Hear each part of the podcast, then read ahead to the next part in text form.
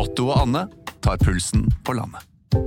Ja, det gjør vi. Jeg heter Otto Jespersen, og hva var det du het igjen? Jeg heter Anne Grosvold, og hver uke har vi med oss en interessant gjest. Det har vi. Otto og Anne tar pulsen på landet, hører du der du hører podkast.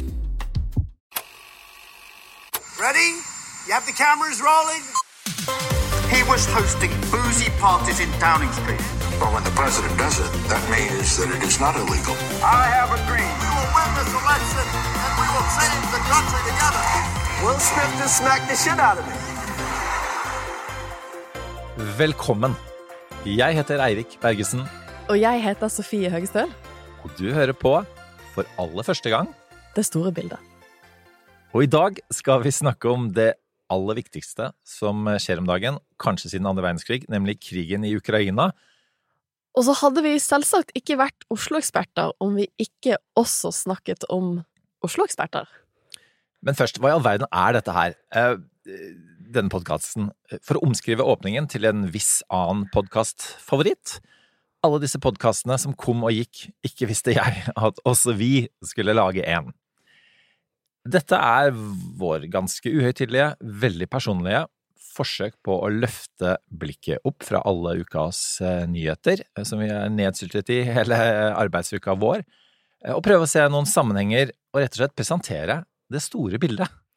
Intet mindre. Og det store bildet kommer jo fra altså der vi sitter til vanlig, som er ofte en blanding mellom ja, media, politikk, forskning, og den kommer ut sånn cirka en gang i uken. Og det vi ikke skal levere, bare for å ta det med en gang, det er tungt researchet, gjennomprodusert gravejournalistikk med masse aktuelle gjester, stappet med klare konklusjoner. Det blir det ikke. Det kan andre gjøre. Og det gjør de mye bedre enn oss. Ja. Heldigvis. Eh, Men dette har presset seg litt fram, fordi eh, vi gjennom mange måneder har eh, funnet sammen i konkurranse som et lag, rett og slett, i en kunnskapsquiz som heter Alle mot alle på TV Norge. Og i denne, dette quizshowet så har vi etter beste evne, og da ganske variert evne, vil jeg si, prøvd å svare på spørsmål om en hel masse ting vi ikke kan eh, så, så veldig godt. Og som ikke, ikke heller var de store, viktige spørsmålene, som hvem Klabben og Babben var på barne-TV. Um, men her, i denne postkassen her, skal vi snakke om ting vi kan, og, som, og ting selvfølgelig som vi syns er viktige. Til vanlig så er, jeg med i Norske tilstander på TV 2. Du er med blant annet i uh, Burde vært pensum på NRK. Men her bestemmer vi helt selv. Eh, og så er det litt pretensiøst å si at lytterne skal bli klokere av alt dette, men vi blir faktisk litt klokere av å prate med hverandre, og det er litt derfor vi gjør dette her. Men Sofie, altså for en tid å lage podkast, eh, og du har et uh, sitat som er ganske dekkende for det vi opplever i disse dager. Ja, det er et sitat jeg har tenkt mye på de siste ukene, og det er et sitat fra Lenin. Det er kanskje litt overraskende for våre lyttere at en, en liberal person som jeg binder der, men jeg synes Overraskende jo, for oss også, for øvrig. ja, jeg, men jeg syns jo han er, har, har mye spennende å komme med, og han har et sånt sitat hvor han sier at There are decades where nothing happens, and there are weeks where decades happen. Og den siste tiden har jo føles akkurat ut som uka hvor flere tiår skjer. Og bare for å uh, understreke det, da. Uh, altså, um, selv om vi nærmest baserer denne poden for i dag på et Lenin-sitat Vi har ikke eierinteresser i steigan.no. Uh, ulikt Arne Treholt, Kari Jakkesson og farlig mange eh, Rødt-medlemmer. Vi planlegger heller ikke livet vårt i femårsplaner. Ikke ennå. Eh, tvert imot. Men før vi går over på det store bildet, la oss bare eh, dvele litt ved det lille bildet. eh, Fordi vi må nesten få lov til å, å legge bak oss den konkurransen. Ja, for vi kommer, begynne, okay, vi kommer til å begynne hver episode med det lille bildet. Vi kommer ikke liten, til å begynne hver episode med Alle mot alle. nei, nei. Men liksom det lille bildet hvor vi tar en liten fot i bakken på hva som har skjedd i livene våre. Og det lille bildet for oss denne uken er jo at vi har vunnet alle mot alle. Ehm, min opplevelse av det var litt uh, veldig gøy, uh, men litt underlig. Jeg har skjult dette for Eirik, altså vi spilte dette inn høsten 2021, uh, og Eirik har på en eller annen sinnssyk måte greid å skjule fra familien at vi vant til Men slutt. altså, de ville ikke vite. Eh, sa det veldig tydelig. Barna mine, kona mi spurte vil du vite. Nei, jeg trenger egentlig ikke det. Det var kanskje et tegn på at hun ikke var så alltid interessert, i hvert fall ikke da. Eh, eh, Men etterkant er de stolte og ganske undrende til hvordan jeg faktisk klarte å holde dette skjult, eh, og hva jeg eventuelt av andre ting jeg holder skjult. Ja, for du, du tenker at de ikke hadde trodd at du skulle holde en sånn type hemmelighet i Det er jo Ja, det, vi spilte jo inn finalen rett før jul, så det er jo fire måneder med løgn. La oss ikke dvele ved det. Eh, Hvordan var din opplevelse, Sofie? Ja, nei, altså jeg hadde aldri trodd at jeg skulle være med på et gameshow. Men det morsomme er at når vi blir spurt om å være med på dette Jeg vet ikke om du husker dette, men jeg, jeg så tilbake på um, meldingene du og jeg sendte da det ble klart at vi skulle være med på dette. Og den første meldingen du sendte til meg, den lød som følger. Hu hei! Så gøy det blir å vinne alle mot alle med deg! og da tenkte jeg sånn Å, shit. Jeg tror ikke Eirik vet hvor utrolig dårlig jeg er i quiz. Uh, så jeg hadde, liksom, jeg hadde jo- null tro på at vi skulle komme oss til semifinalen, eller komme oss ut av sluttspillet. Uh, og vi kan jo si at det var jo en uh, berg-og-dal-bane. Det var jo blandet drops. Altså, vi, vi gikk jo på noen sviende lag. Uh, det var jo da ti lag, og du møter da alle lag. Hens alle mot alle. Så det var jo ni innledende runder, hvor vi tapte en del. Men er det én ting denne konkurransen har vist, så er det at vi ikke kan alt. Vi er ikke eksperter på alt. Um, og det viser seg at, du, Sofie, du har jo ikke doktorgrad i alt. Du har jo doktorgrad i folkerett. Jeg har doktorgrad i folkerett, og vi fikk veldig, veldig veldig få folkerettsrelevante spørsmål. Så den hjalp uh, nesten ingenting. Men jeg, jeg tror Det som irriterte meg, det var jo at uh, de introduserte oss ofte som ekspertlaget. Og da var jeg litt sånn nei, nei, nei, nei, nei. Jeg har ikke lyst til å være ekspertlag. Ikke sant? Jeg stiller ikke opp et quizshow for å være ekspertlaget. Og, og, og det er jo Da er vi over på ukas uh, første sak, uh, som vi har kalt eh, ukas sak som egentlig ikke burde vært en sak. Og det er nemlig eksperter, for det, det jo, man skal visst ikke være ekspert i disse dager. Eh, og er du ekspert, så bør du for all del ikke bo i Oslo. Eh, justisminister Emilie Enger Mehl var ute i VG og kritiserte Oslo-eksperter. Hun vil heller høre på vanlige folk. Og det hun vil høre på vanlige folk omkring, det er domstolsreform. Og Sofie, du er jurist, du jobber på juridisk fakultet på Universitetet i Oslo. Ja, altså Er domstolsreform noe en bør overlate til vanlige folk? Åh, altså, jeg føler at jeg er jo eh, Jeg er jo dessverre en sånn card-carrying member av Oslo juristeliten. Og um, hvis du ser på høyesteretten, den høyesteretten vi har i dag, så er det da 20 høyesterettsdommere i Norge. Eh, og en oversikt fra NRK fra noen år tilbake viste at av de 20 dommerne, så hadde 18 utdanningen sin fra UiO. Det er et veldig sårt punkt for de andre to juridiske fakultetene. 17 av de hadde mesteparten av sin yrkeserfaring fra Oslo, og 12 er oppvokst i området. Så jeg, jeg tenker jo at øh, norsk høyesterett er en refleksjon, direkte refleksjon, på hvor Oslo-elite-preget jussen er. For hvis du da hvis du liksom går på UiO, får veldig gode karakterer, så er de mest prestisjetunge jobbene ofte i Oslo. Det er sånn type sånn regjeringsadvokaten, det er um, Riksadvokatembetet, altså statsadvokatene, det er Lovavdelingen, ikke minst, i Justisdepartementet. Uh, og så har du Borgarting lagmannsrett, som ligger rett rundt hjørnet her, uh, og Oslo tingrett, selvfølgelig, og så har du ikke minst Høyesterett. Og sånn alltallet mennesker som går i en liten sånn korridor mellom UiO, regjeringsadvokaten og Høyesterett og Lovavdelingen, de styrer mye av Juss-Norge. Så jeg er jo enig, for så er, vidt. du Jeg er litt enig, for så vidt. Og har du en løsning, har du en quick fix på dette problemet, Sofie? Det har jeg. For mine eh, kollegaer i Bergen er jo forferdet over, eh, over Oslo-dominansen. Det er jo gjerne Bergen. I Høyesterett Jeg har en god kollega fra UB som skrev en kronikk i BT. Det er litt synd at det var i BT, for da leser jo ikke Oslo-eliten den kronikken-. Men Hans Fredrik Martiniussen, som en del av dere sikkert har hørt om, han skrev at Norge har en servil og homogen høyesterett. Uh, og han syns det er sånn eh, ekstra graverende at bare tre av 103 høyesterettsdommere historisk har hatt utdanningen sin ved UiB. Så jeg har en del kollegaer som rett og slett ønsker at vi flytter hele Høyesterett til Bergen. Det er en domstolreform I could get behind. Det er sånn, hvis du virkelig har gjort, lyst til å gjøre, liksom, bryte opp liksom, Oslo Jusselite-klubben, så flytter du bare Høyesterett ut av hovedstaden. Det er jo ikke noe spesiell grunn til at den trenger å være her. Det er en domstolreform jeg kan støtte.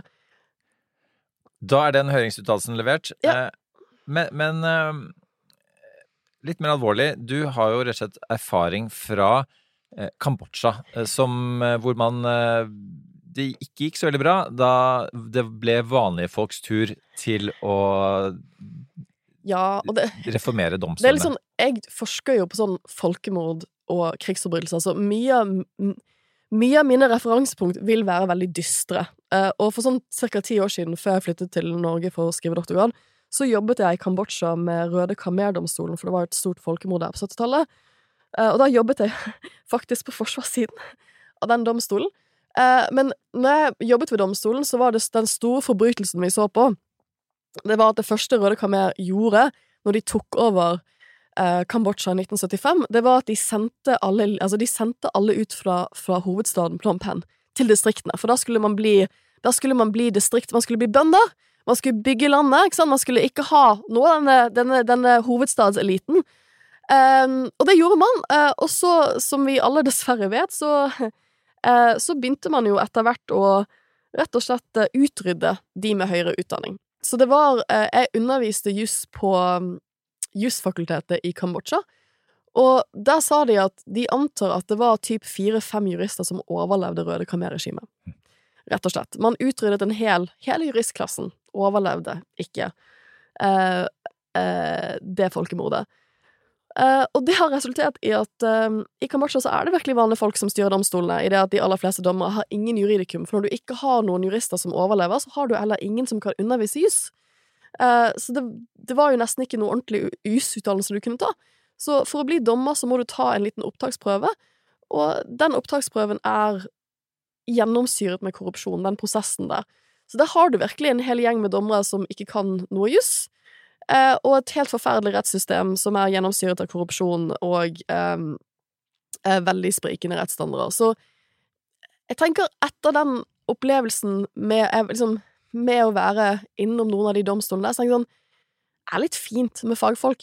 Det er litt fint, altså, ikke minst for vanlige folk? For det er jo vanlige folk som bruker domstolene våre. Du vil jo ha en dommer som har litt god peiling på juss, og kan avgjøre en sak på et rettferdig vis. Altså, hvis du er opptatt av liksom, rettssikkerheten til vanlige folk, så trenger du litt gode jurister. Ok, så for å oppsummere litt, Jan, eh, du trenger eksperter for faktisk å ivareta vanlige folks rettsinteresser. Ja, rett og slett. Men, men, men igjen, flytt Høyesterett til Bergen. Der kan, vi, der, kan vi, der kan jeg møtekomme vår kjære justisminister. Og for å oppsummere videre, Emilie Enger Mehl, eh, flink på mange måter som justisminister, men for å låne et uttrykk fra Kompani Lauritzen, hvor hun deltok istedenfor å drive valgkamp. Her var du ikke den aller beste versjonen av deg selv. Da skal vi videre til eh, vår første sånn, liksom, ordentlige spalte. Den er så ordentlig at den har en liten jingle. I'm not a hero. Well, I'm not a crook. Det er vel ingenting som kvalifiserer bedre til å bli omtalt i en pod som kaller seg Storbildet, enn den største krigen i Europa siden andre verdenskrig. Eller bedre til eh, spalten Helt og skurk, som krigen mellom Ukraina og Russland, og mellom Zelenskyj og Putin. Eh, Jeg skal ikke bruke mye tid på å fortelle hvem som er hva her. Eh, Men dette er sjelden tydelig i et ellers ganske utydelig verdensbilde. Og begynne med helten, da. Sofie, vi, vi var faktisk begge på, på Stortinget den dagen Zelenskyj talte. Jeg var i vandrehallen for TV 2, du satt i salen for Venstre. Eh, Han er person, bare for å si det fra min sånn kommunikasjonsståsted, som har noen eh, helt unike retoriske gaver. Det fremste er kanskje at han føler som han snakker direkte til, til deg eller til oss. Um, og nå gjorde han faktisk bokstavelig talt det. Eh, og du satt i salen da. Hvordan eh, føltes det? Det føltes jo veldig rart, for stortingssalen føles mindre in real life enn den kanskje ser ut som på TV. Så det føltes veldig intimt, for salen var jo nesten fullsatt. Um, og det var jo veldig preget sal allerede på veien inn. Um, og det å sitte der Altså, jeg Min, min bestefar var krigsfange under andre verdens, var også krigsfange under, under andre verdenskrig, og den dagen uh, Ukraina ble um, invadert, var det akkurat på dagen 80 år siden han ble tatt til fange under andre verdenskrig. Så jeg, jeg syns jo Jeg syns det er vanskelig å ikke tenke på han i disse ukene her. Jeg tenker jo på han uansett når jeg ser krig, eh, krig men, eh, men tenker ekstra mye på han. Og um,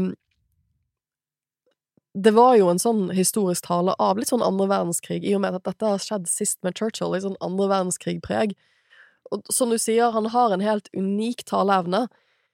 ikke minst det at du føler virkelig at han taler direkte til deg. Det er jo det han gjør når han har gjort denne tale, digitale taleturen sin av eh, parlamenter og folkevalgte forsamlinger i Vesten de siste ukene, er at han skreddersyr jo talen sin direkte til de folkevalgte. Så han begynte liksom med Takk for at jeg får lov til å være her, og så gikk han egentlig rett på ønskelisten hans av hva han spesifikt ville ha for Norge.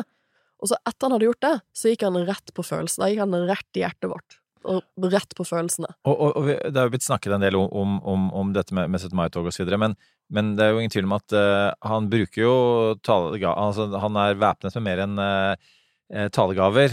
Han ønsker jo å motivere sine egne soldater for å kjempe med ekte våpen, og det er jo det som til syvende og sist vil avgjøre denne krigen. Men jeg tenkte bare jeg skulle også nevne én ting som sånn, sånn talehåndverksmessig. Da, for han, han er jo ikke bare, det er ikke bare store ord, det er også små detaljer. Eh, og vi som da var eh, utenfor for TV 2 og blant annet snakket med den ukrainske ambassadøren, eh, eh, han fortalte oss i en bakgrunnssamtale at eh, han hadde en, en eh, forhåndssamtale med Zelenskyj hvor den ukrainske presidenten rett og slett hadde spurt hvordan er det man uttaler Kirkenes. Ja. Så, så det sier litt om, om håndverket her. Jeg har også hørt at Zelenskyj rett og slett har sparket en del ambassadører andre steder i Europa, som han mener ikke har gjort en god nok jobb med å lobbe de regjeringene der de er. ikke sant? De har ikke gjort, har ikke gjort jobben sin. Ut! Han trenger veldig effektive ambassadører som kan være på bakken og akkurat gi ham den type informasjon, og snakke direkte til de regjeringene. Og det, det er jo det som er så Det er jo Jeg tror mye vi kommer til å huske for den perioden vi er i nå, men det er jo det at han på en sånn helt unik måte har greid, som du sier, ikke bare snakke til eget folk, for det er jo en dobbeltkommunikasjon her. ikke sant? Det er der, den, den kommunikasjonen han gjør direkte sitt eget folk, som har gjort at folk har blitt i Ukraina for å kjempe. Eh, Vi så jo alle de bildene de første timene hvor, eh, hvor man fikk beskjed om at menn innenfor en viss aldersgruppe skulle bli og kjempe, så tenkte jeg sånn Vi får se om folk blir, eller du, du har jo ingen De hadde ikke hatt noen reell myndighet til å tvinge, tvinge hele befolkningen. Det er jo 44 millioner mennesker til å bli i Ukraina hvis de ikke ville det. Men du ser at folk ble. Så liksom, det er den kommunikasjonen for å motivere folk til å bli, og så er det den kommunikasjonen hvor han går rett på vestlige ledere og gjør denne krigen til vår krig. Det er jo det han har greid å gjøre retorisk. Han har greid å få oss alle til å føle at dette her er også vår krig. Og Stortinget fra Venstre via Frp og, og Rødt, ja. eh, rett og slett eh, eh, stilte seg bak den dagen. Men for å gå inn på Det var helten. For å gå inn på skurken, altså den som da sannsynligvis ikke bare sparker ambassadører, men forgifter de også.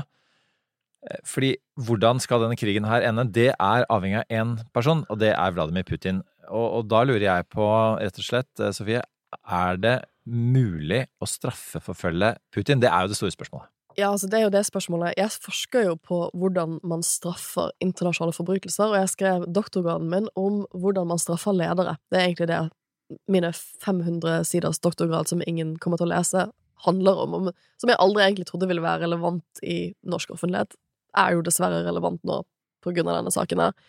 Um, og det korte svaret er at det er vanskelig, men det er ikke umulig uh, å straffe han.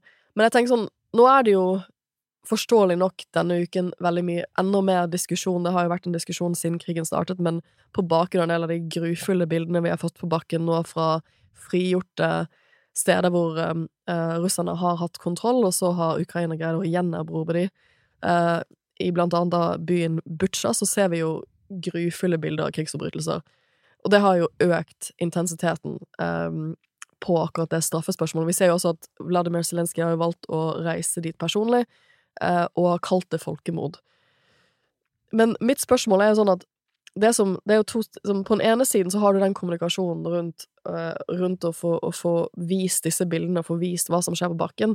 På den andre siden så prøver man jo å komme til en, eller annen form for fredsavtale her, for å avslutte krigen. Og fra mitt ståsted så gjenoppliver det en ganske sånn tung debatt innenfor mitt fagfelt, innenfor sånn internasjonal strafferett, og det er mellom de som syns at det er viktigst å jobbe for fred, og de som mener det er viktigst å jobbe for rettferdighet, altså rettsoppgjør etter sånne kriger. For det er dessverre ikke alltid samme ting. Nei. Og det illustreres best med at som en del av doktorgraden min så intervjuet jeg eh, de tidligere sjefsanklagerne som har jobbet med denne type rettsprosesser, som har valgt disse lederne, som har gjort den, type, har gjort den jobben, da. Og han ene er intervjuet for doktorgraden min, David Crane, som pleide å være sånn sjefsstatsadvokaten ved Sierra Sierra Leone-domstolen, som uh, var en uh, FN-domstol som straffeforfulgte krigsforbrytelser i Sierra Leone, han, um, han intervjuet jeg for noen år tilbake, og da var, jo, da var det jo et, noen forsøk på å få fredsavtaler til i Syria. Og han, hadde, han sa til meg som en del av intervjuet at han hadde vært i Genéve under disse fredsforsamlingene, for han holdt da på med et prosjekt om å få laget en ekstraordinær domstol for Syria, som skulle straffe syriske krigsforbrytelser. Og han sa til meg at han syntes det var litt overraskende at det var liksom veldig få som ville snakke med han, at han følte at han liksom ikke var så ønsket i de korridorene. Da. Så tenkte jeg sånn Selvfølgelig var du ikke ønsket rundt det forhandlingsbordet. Sånn, der sitter alle de som har vært, eller mange av de som har vært ledere for de forskjellige gruppene i Syria som har kriget. Sånn, alle de etter seks-syv år med borgerkrig har svin på skogen. Nesten alle sammen, ikke sant? Og der lusker du rundt i korridorene, og den eneste tingen du egentlig vil, det er jo å straffe alle som én, ikke sant? Du har lyst til å lage en domstol hvor de alle risikerer å bli tiltalt for den type forbrytelser som du er opptatt av. Selvfølgelig er ikke du ønsket i Genéve under den type fredsforhandling. Og det er jo litt det samme her at akkurat nå er vi i en fase av konflikten hvor vi virkelig begynner å se bilder av det som har skjedd med sivile, og det er utrolig grufullt. Samtidig må Zelenskyj stå i den dobbeltrollen hvor han også skal prøve å få Russland inn i forhandlingsbordet. Men du har jo jobbet i UD med fred og forsoning.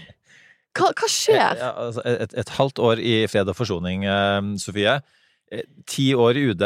Men eh, det forhindret ikke at da jeg Jeg intervjuet eh, Dag Nylander som eh, meget dyktig UD-diplomat, som, som rett og slett var eh, mannen bak fredsavtalen eh, hvor, eh, i, i Colombia i, i sin tid, sammen med partene eh, der. Eh, og, og jeg var kollega med han i utenriksministerens sekretariat i flere år.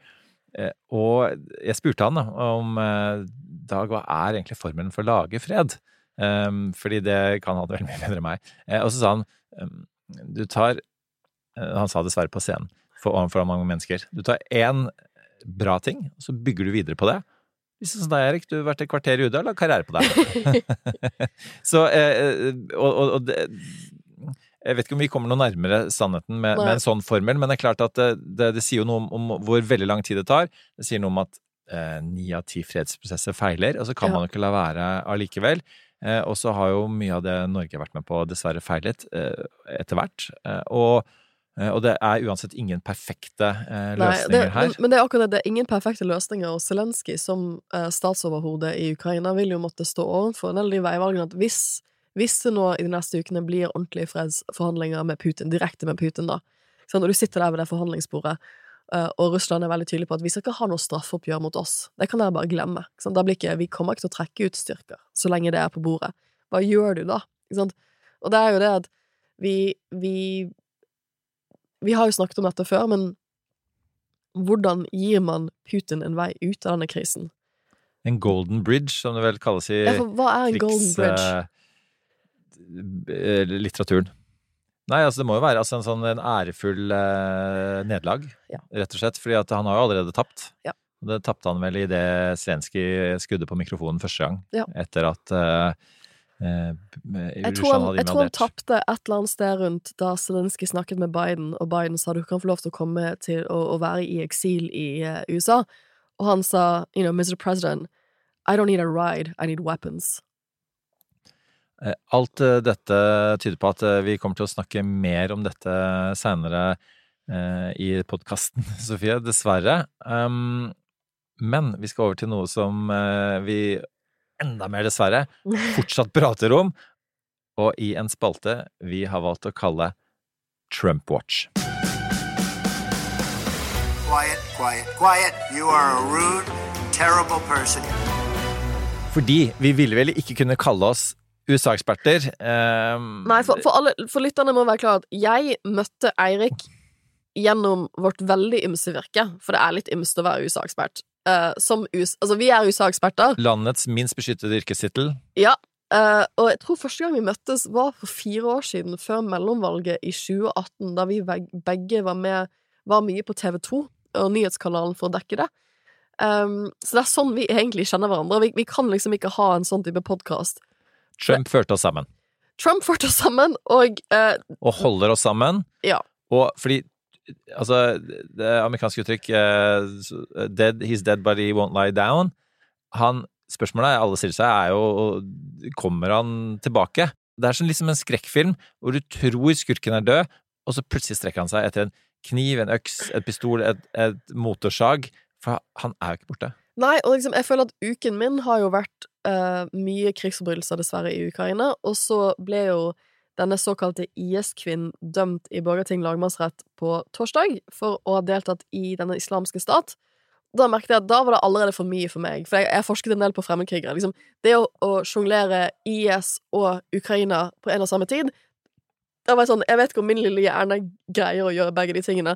Så når vi satt på kafé for å feire Alle mot alle-serien vår i går, jeg ble ringt opp av en NRK-journalist og spurt om hva jeg tenkte om mellomvalget i Texas, da var jeg litt sånn I, I can't do all of these. Liksom, jeg kan ikke USA syns akkurat nå, men nå skal vi USA syns. For det, det er jo mellomvalg i USA i november, og det begynner å skru seg til nå som vi kommer ut på våren, og da er Trump Watch dessverre aktuelt igjen, for det er jo fortsatt et spørsmål om han stiller. Og i Trump Watch så skal vi gjøre en litt sånn statussjekk på hva er statusen denne uken her. Så hva, Erik, hva er statusen med Trump akkurat nå? Ja, jeg skal, jeg skal um, tegne et, et, et stort bilde i det store bildet, nemlig løgnens økosystem. Fordi det var en sak som begynte med en flowchart fra russiske forsvarsdepartementet om såkalte biovåpen i Ukraina. Den inkluderte det flowcharten en smilende George Soros, uh, as one does, når det gjelder uh, internasjonale konspirasjoner. Og labber det er jo noe av det skumleste som finnes innen, innen konspirasjoner. For det, det, er jo noe som skjer i det skjulte. Um, Sovjet hadde en konspirasjon om at uh, USA hadde lagd aids på 80-tallet i en lab. Eh, nå mente man at um, Soros, ved hjelp av selvfølgelig Hunter Hunter Hvem er Biden Soros, bare for George Soros er en uh, forretningsmann, filantrop, uh, som, som, gir penger til Han er gode veldig, formål. veldig rik. Han er latterlig rik. Og, og som noen mennesker mener er dårlig formål. Ja. Enkelt og Han har en foundation som heter Soros Foundation, som gir penger til masse rart. jeg har møtt folk som har fått penger fra de formålene, som er veldig fornøyd med det. Men det er klart det er ikke alle som liker at han bruker pengene sine på det han gjør. Og hvis du tenker at Soros ikke er skummel nok, så hvis du da blander inn Hunter Biden eh, og hevder da Og Eh, Hunter i denne- Biden er da Bidens eh, sorte får av en sønn. Men altså, Hunter Biden skal da også har vært involvert i dette her. Han har liksom finansiert dette. La oss bare skynde oss å si at dette er jo selvfølgelig ikke biovåpen. Det er labber, biologiske labber som, som forsker eh, på, på allmenne biologiske ting. Og eh, eh, eh, Skal vi se, vent, skal jeg nå? Eh, jo. Men hvis du lager dette som en sånn en Jeg liker, det er veldig gøy å pakke. høre deg prøve å forklare denne konspirasjonsteorien, for det er, det er vanskelig, ikke sant? Konspirasjonsteorier er er kjempevanskelig å forklare fordi de jo ikke er sanne. Ja, sånn, nei, nei, men liksom jeg sånn, hva prøver er å sette meg inn i en verden nå. Altså, vi fikk jo masse spørsmål rundt er amerikanske valget sånn Hva er QAnon? Og det er sånn, nei De tror at det er en verdenselite som dreper barn, da. eh, Og er pedofile og styrer verden. Uh, ja. Liksom, det, det er vanskelig. Men Hunter Biden har Men- jo blitt men en sånn stor konspiperson. Ja, og det handler om, det handler om at du lager sånn her, det, det lille konspirasjonssettet. Ikke sant? Sånn en koffert som du kan bare åpne, og så finner du alle de. Finner du Soros, Hunter, Hunter og så. Ja, Og så Hunter setter Biden, du det sammen. For, for de som ikke husker dette her, han var jo sentral i den ene riksrettssaken til Trump, fordi at han hadde jo en del det noen vil si var ganske ymse business deals i Ukraina. Eh, Ukraina er jo et land som, som lider under mye korrupsjon, uh, og Trump ville jo da Det var sånn vi ble kjent med Zelenskyj. This is when we got to know our hero. Før vi visste at han var Det en begynner å høres ut som en ordentlig konspirasjon, dette. Ja. Uh, I, i hva, Når er dette? Når er, dette skjer 2019? Ja. Hvor um, Trump da prøver å tilbakeholde um, militær støtte til Ukraina, som de sårt trenger for å beskytte seg fra Putin, eh, i bytte mot at, uh, at Zelenskyj kanskje da etterforsker Hunter Biden for korrupsjon. Uh, så dette, dette, Hunter Biden har jo etter det vært en sånn konspi eh, objekt for ytre høyre i USA, og nå er han tydeligvis på gang med ymse business deals i Ukraina-Russland igjen i denne konspirasjonsteorien. Tilsynelatende. Fordi denne nyheten da kommer da til Sputnik, som er en russisk PR-kanal for, for myndighetene. Eh, Så havner den altså hos Tucker Carlson, som jo er en eh, kjent eh, Fox News-anker. pleide å være på CNN in the good old days. Jeg har truffet han. Du har, truffet, Ja. har du truffet Tucker Carlson? Jeg var i publikum på eh, Crossfire, som var eh, den CNN-serien Oh, ja, som John Stewart fikk eh, Ja, ja, avsluttet. Det, det, ved å si at hva er det dere holder på med her? Sitter dere og lager politisk å, teater? dette som- må dere google. Dette, på, dette, det, det fins på YouTube. Og det var James eh, Carville fra venstresiden, og det var eh, Tucker Carlson fra høyresiden som, som Og de liksom skulle skulle, liksom ha sånn. Show hvor de skulle crossfire. De så snakka vi litt med ja. dem i, i, i en pause. Wow. Um, og, men uh, Tucker Carlson er det Tucker Carlson trenger å være for å nå et eh, stort nok eh, publikum. Så han er en annen nå enn han var da. Men Nå er han på Fox News, en av deres viktigste pundits, altså snakkehoder, på TV om kvelden, og har gått fra å være halvveis faktabasert til å være langt ute i et annet type land. til å faktisk fremme en russisk eh, konspirasjon. Eh, og som da ender med, for nå er vi på Donald Trump, Trump går ut i media midt i en krig og har ett budskap til Putin. Ikke avslutt krigen, trekk deg ut av Ukraina, Slutt å drepe, fred i slutt å drepe folk, liksom. slutt å Mm. drepe. Men jeg trenger dritt om Hunter Biden. Vennligst gi meg det. Ja, det er alles interesser, hvis vi kan få klarhet i hva som har skjedd her.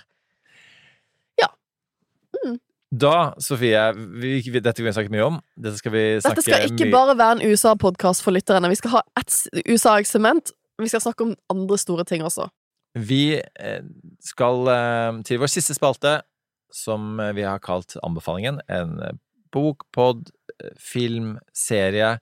Begynn med deg, Sofie. Hva Ja. anbefaler du denne uka? Jeg uh, begynte å se på en ny TV-serie fra Apple TV, og ja, jeg, liksom, jeg hater at det er så mange forskjellige strømmetjenester, men Apple har gitt ut noen utrolig gode serier siste året, um, og de kom ut med en ny en uh, forrige uke som heter Slow Horses, som er en britisk spionserie, og det er liksom Dette er påske straks, ikke sant? Dette her er supergod britisk krim.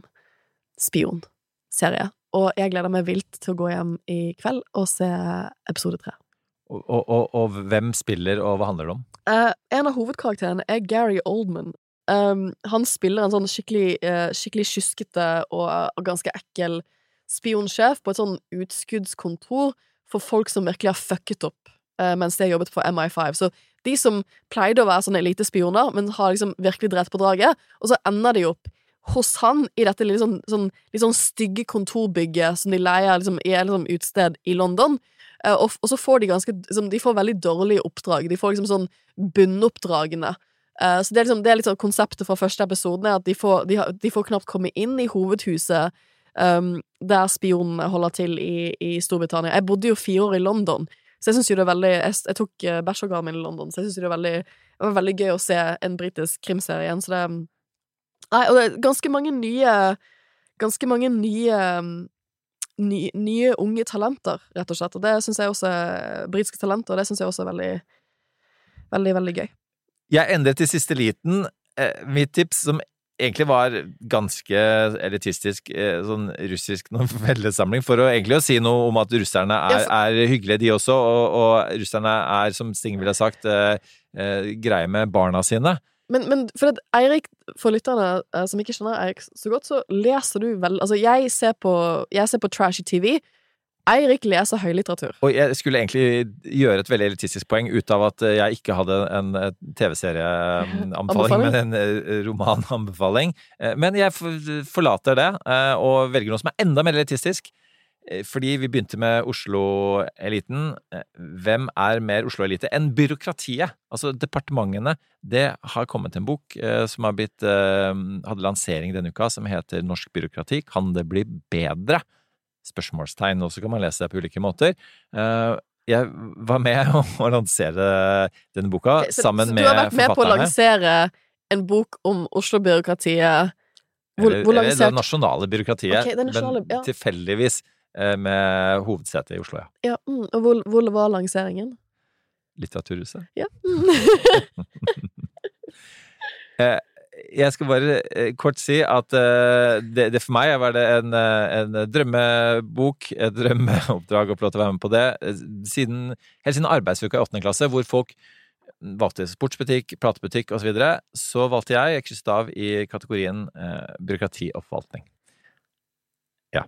Er det sant? Nå ble det nesten stille. Helt Ja. stille, Sofie. Det er ikke så Ja, det- Hva hadde jeg lyst til å bli, gjøre i åttende klasse? Jeg tror jeg hadde lyst til å bli spion. Eh, men- det kan jo være at du er spion, det vet vi jo ingenting om. Det vet man Eh, ingenting, Det, er- altså, det er sånne ting man, man, man, man dessverre ikke vet. Men eh, jeg ble byråkrat, og var jo det i, i ti år i Utenriksdepartementet, og syntes det var veldig fint. Og så klarte jeg vel ikke å holde kjeft, da. Så derfor sitter jeg og spiller inn podkaster nå i stedet for å gjøre verden til bedre sted å være, men det gjør heldigvis mine gamle kolleger hver eneste dag. Ja, for byråkratiet er jo på mange måter en helt Altså, det er en grunnmur i demokratiet vårt, selv om vi ikke snakker så mye om det. Det at vi har et såpass godt byråkrati og, og upolitisert byråkrati i Norge, er jo en av grunnene til at vi er en så velfungerende stat. Så, så jeg tenner et, et stort lys, stort hjertelys for byråkratiet. Jeg vil også si at en av de tingene jeg har likt denne uken, bare sånn avslutningsvis, er jo at for det at vår kjære justisminister har gått så hardt ut mot Oslo-eksperteliten, så føler jeg at denne uken her har det nesten vært litt kult å være en del av Oslo-eksperteliten, på en måte jeg aldri liksom, Jeg trodde ikke det skulle være trendy. Det er jo vanligvis bare kvalmende å være Oslo-elite-ekspert, men denne uken her litt mer innafor. Så det er jeg takknemlig for. Altså, bare én siste ting med, med elite øh, og eksperter, og jeg tror at litt av grunnen til at jeg ble så irritert over, eller til tider blir så irritert over å bli kalt ekspert Ja, jeg er ekspert, men det er jo fordi at det er jo, det er jo ikke fordi at jeg er supersmart eller kan alt eller er sånn superflinkest. Det er jo fordi at jeg jobber veldig hardt. Altså, jeg satt, det, dette er jo en litt eliteting å gjøre, men jeg satt og så Jeg, jeg ser West Wing om igjen. Um, og i går så jeg den episoden hvor Josh Lyman, som Josh Lyman er en av hovedkarakterene i den um, i den uh, historien. Han sier noe som jeg har tenkt på, som jeg har tenkt på veldig ofte siden jeg så det. Han, han, han sier til, um, til en potensiell kjæreste da, liksom, som sa sånn hvorfor som, så Han studerte sammen med, så sier han sånn My IQ does not break the bank. And I wanted to do this. Jeg hadde lyst til å være sånn superpolitiker-nerd som jobber i Det hvite hus, men jeg er ikke den smarteste gutten i klassen. Så jeg måtte jobbe veldig mye. Og det, det er litt det jeg føler. Sånn, jeg er ikke den smarteste personen, har aldri vært den smarteste personen i klassen, eh, eller den som kunne mest. Eh, jeg har jo også til tillegg dysleksi. Men jeg har jobbet ganske mye, og jeg tror at um, disse Oslo-elitebyråkratene, da, er jo ofte mennesker som bare har jobbet ganske hardt på studiene, og liksom ofte har lyst til å, å, å, å gjøre en forskjell ved å da ikke sant, saksbehandle ting i et departement, og det syns jeg er litt vakkert. Men tilbake til boklanseringen din. Det var en av de andre som også snakket der, som, som sa at eh, hvem er denne boka for? Så sa han hvem er denne boka ikke for? Det er ikke for de som søker klare svar. Eh, og så ble det sagt at eh, ja, det er kanskje en del andre denne boka er for, ikke er for, i tillegg til det. Um, men uh, denne podkasten er i hvert fall ikke for de som søker klare svar, uh, men uh, forhåpentligvis de som kan være med og prøve å finne noen svar sammen med oss. Idet vi prøver å drøfte oss frem til hva er egentlig det store bildet i verden akkurat denne uken her. Dette var det store bildet, sånn som vi ser det, som du skrev til en fan i gåseøynene, eh, Sofie, som skrev til deg Håper dere ikke vinner alle mot alle, og så fulgte opp med Dessverre så vant dere møkk.